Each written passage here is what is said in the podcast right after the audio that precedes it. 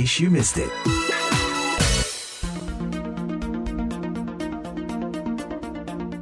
Pendengar Anda tengah mengikuti acara In Case You Missed It VOA Voice America Washington DC bersama saya Leona Triono.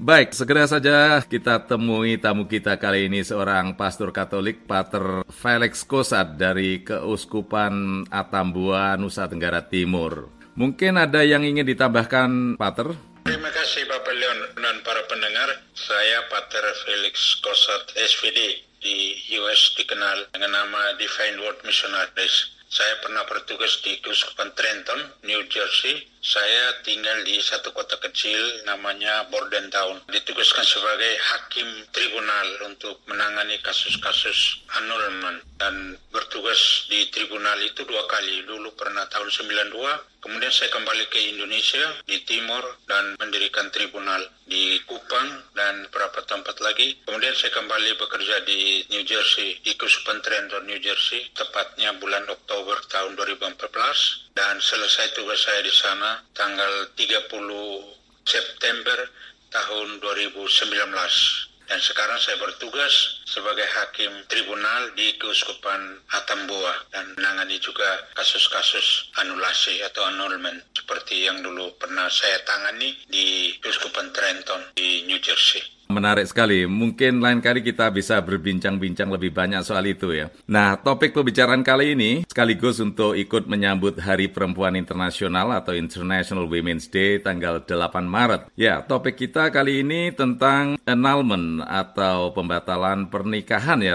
Nah, pertanyaan ya. saya, seberapa besar perceraian atau pembatalan perkawinan di Indonesia? Uh, Bapak Leonard dan para pendengar di mana saja yang bisa menangkap siaran ini, kalau kita bicara seberapa besar ya jumlah uh, perceraian di Indonesia, harus dibedakan dua hal. Pertama kata perceraian dan annulment. Yeah. Pembicaraan kita kali ini saya fokuskan pada kata atau proses disebut proses anulasi dan itu melihat situasi di Indonesia perceraiannya sangat alarming, sangat mencemaskan dan yang paling banyak menderita akibat dari perceraian ini tentu saja keluarga terutama juga ibu dan anak. Jadi pada hari kita merayakan International Women's Day, kita patut menyesali situasi yang dialami oleh kaum wanita yang juga digelar sebagai kaum ibu ibu dalam rumah tangga yang banyak mengalami masalah persoalan rumah tangga banyak kaum wanita masih mengalami persoalan dengan ini. Tapi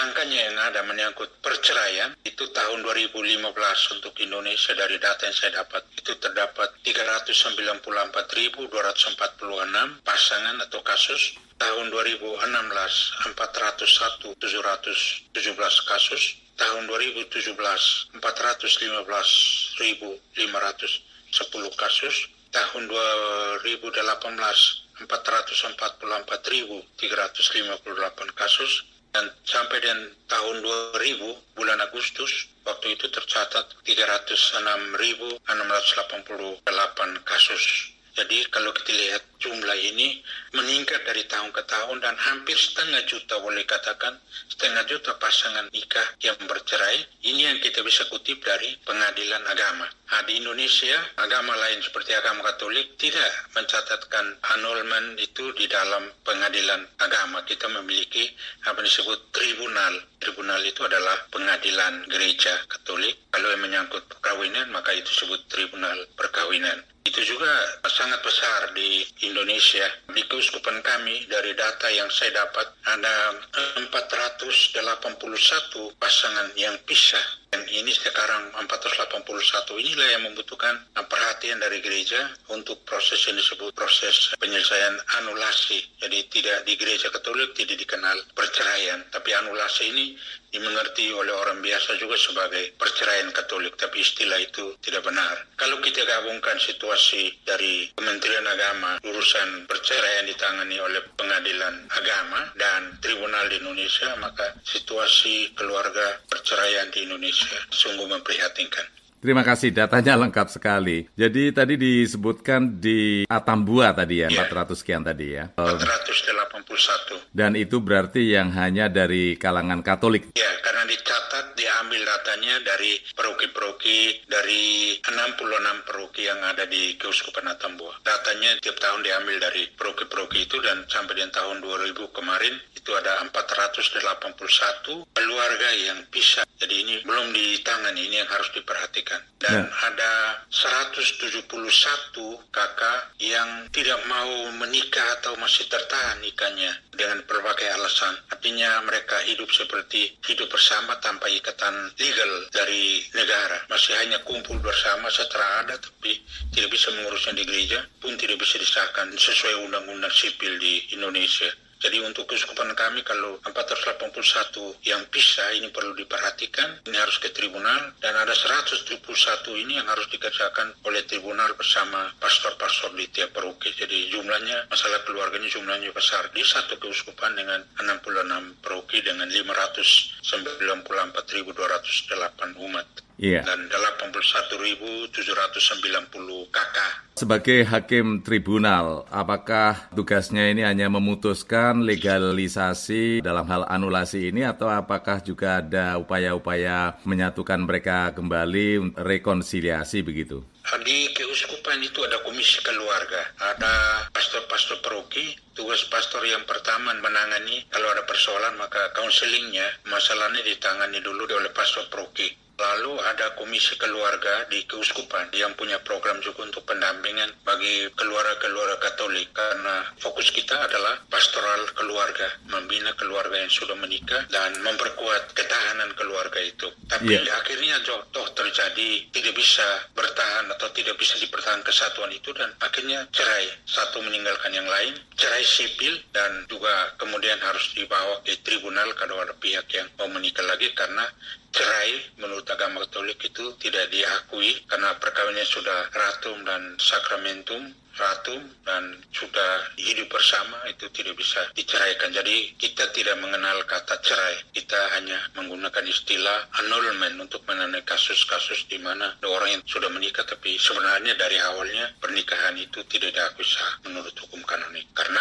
ada alasan-alasan yang mungkin sebentar kita akan bahas lebih lanjut. Kemudian apakah angka ini terutama selama masa pandemi ini apakah pandemi mempengaruhi angka anulasi di sana? Dari data yang saya ada memang pandemi dan akibatnya mempengaruhi hampir segala aspek kehidupan. Kalau mau ditanya apakah pandemi mempengaruhi masalah ini ya, tapi pandemi itu tidak menjadi sebab peningkatan perceraian. Memang ada pandemi dengan penerapan eh, berskala besar untuk berkumpul masalah-masalah masalah yang diajukan ke pengadilan agama juga berkurang, tapi pandemi itu sendiri tidak menjadi penyebab meningkatnya anulasi ya. perceraian di Indonesia. Tapi yang saya dapat dari sumber-sumber yang ada dikatakan sebab utama dari perceraian di pengadilan agama atau di Indonesia itu adalah faktor ekonomi, suami atau istri tidak mampu lagi menjamin kehidupan istri atau suami, tidak mempunyai pekerjaan, akhirnya tidak mampu lalu jatuh ke dalam persoalan perceraian itu,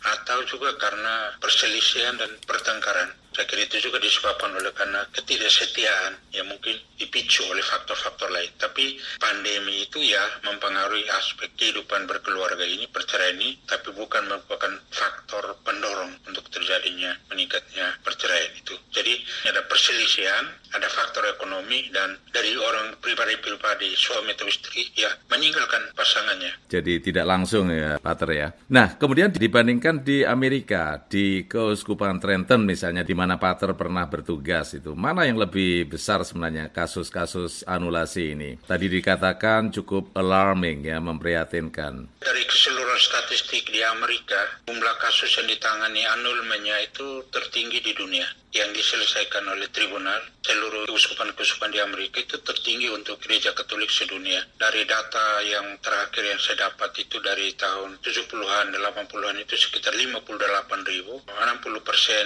dari kasus yang ada penyelesaian itu 60 persen itu tertinggi itu Amerika. Jadi yeah. kalau dibandingkan Indonesia mungkin jumlah Katolik Indonesia memang sedikit, tetapi dari angka perceraian ini ya mencemaskan karena akibatnya besar untuk ibu dan anak lalu yang ditinggalkan situasi ekonomi Kalau di US itu efeknya tidak terlalu besar karena istri atau ibu dan anak pada umumnya mereka punya penghasilan dan ekonominya masih terjamin lalu undang-undang sipil di Amerika juga mewajibkan suami menanggung beban menurut hukum sipil itu untuk istrinya. Nah kalau ya. di Indonesia pengadilan sipil ini ya, banyak kali siapa ada uang dia ada menang perkara dan juga kemampuan suami yang sangat terbatas yang harus menanggung istri dan anak banyak kali juga dalam keputusan ada tetapi keputusan sipil ya untuk perceraian ada ya. tetapi dalam kenyataan sangat lemah dan yang menderita adalah wanita dengan anak. Ya, tadi disebutkan anak, maaf ini mungkin agak melenceng sedikit. Apakah di NTT ada kasus-kasus kawin paksa atau kawin muda atau kawin anak-anak itu? Yang sekarang kami dengar itu di Indonesia marak tentu saja di tempat lain ya, tapi ini pertanyaan ya. kami di NTT. Kalau undang-undang 174 dulu wanitanya 16, lakinya harus di atas 19. Itu undang-undang 1 tahun 74, undang-undang perkawinan Republik Indonesia 19 Oktober 2019 Undang-Undang 174 diganti, diperbaharui usia wanita dinaikkan dari 16 menjadi 19 dan dengan itu sekarang wanita yang berada di bawah 19 tahun di NTT juga kena aturan pemerintah dan pasar itu diawaskan untuk tidak memberkati atau meresmikan perkawinan jika wanitanya belum mencapai umur 19 itu untuk melindungi kalau suami melakukan tindakan kekerasan, kalau wanitanya berada di bawah 19 itu kekerasan terhadap anak kecil. Jadi masuk hubung di bawah 19 itu termasuk anak. Jadi itu berbahaya, maka Indonesia mengganti undang-undang itu.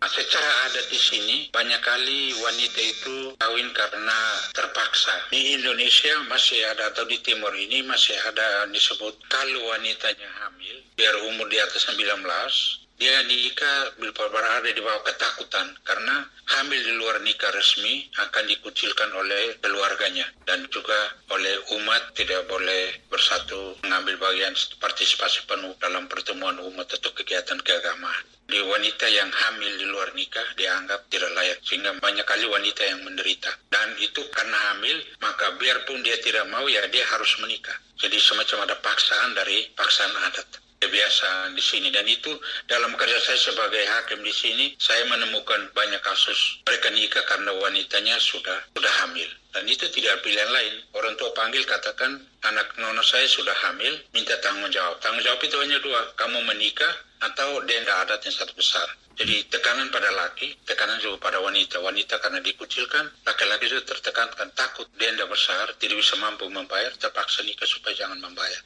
Akibatnya setelah menikah kemudian bubar.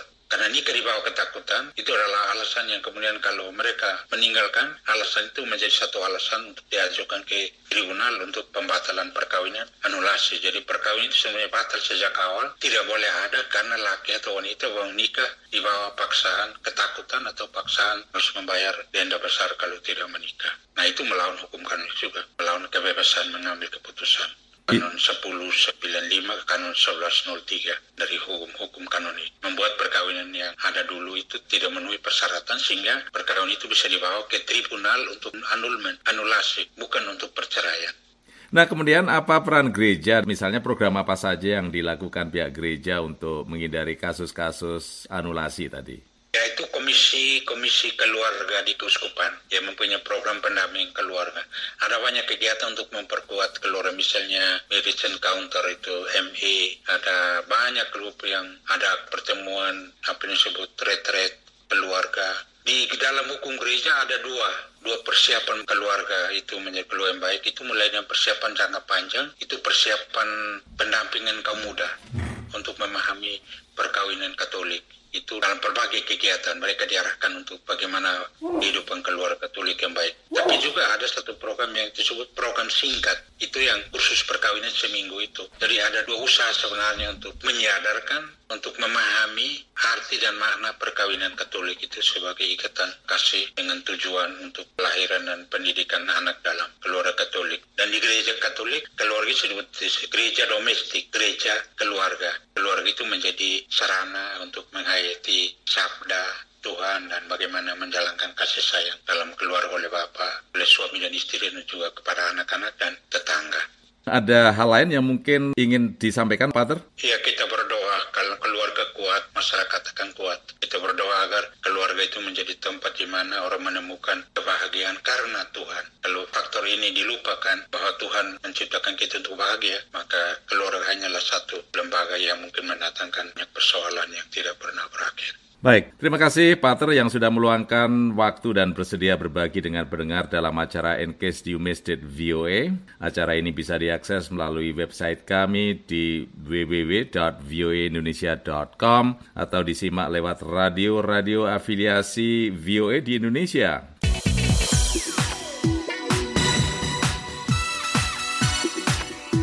In case you missed it.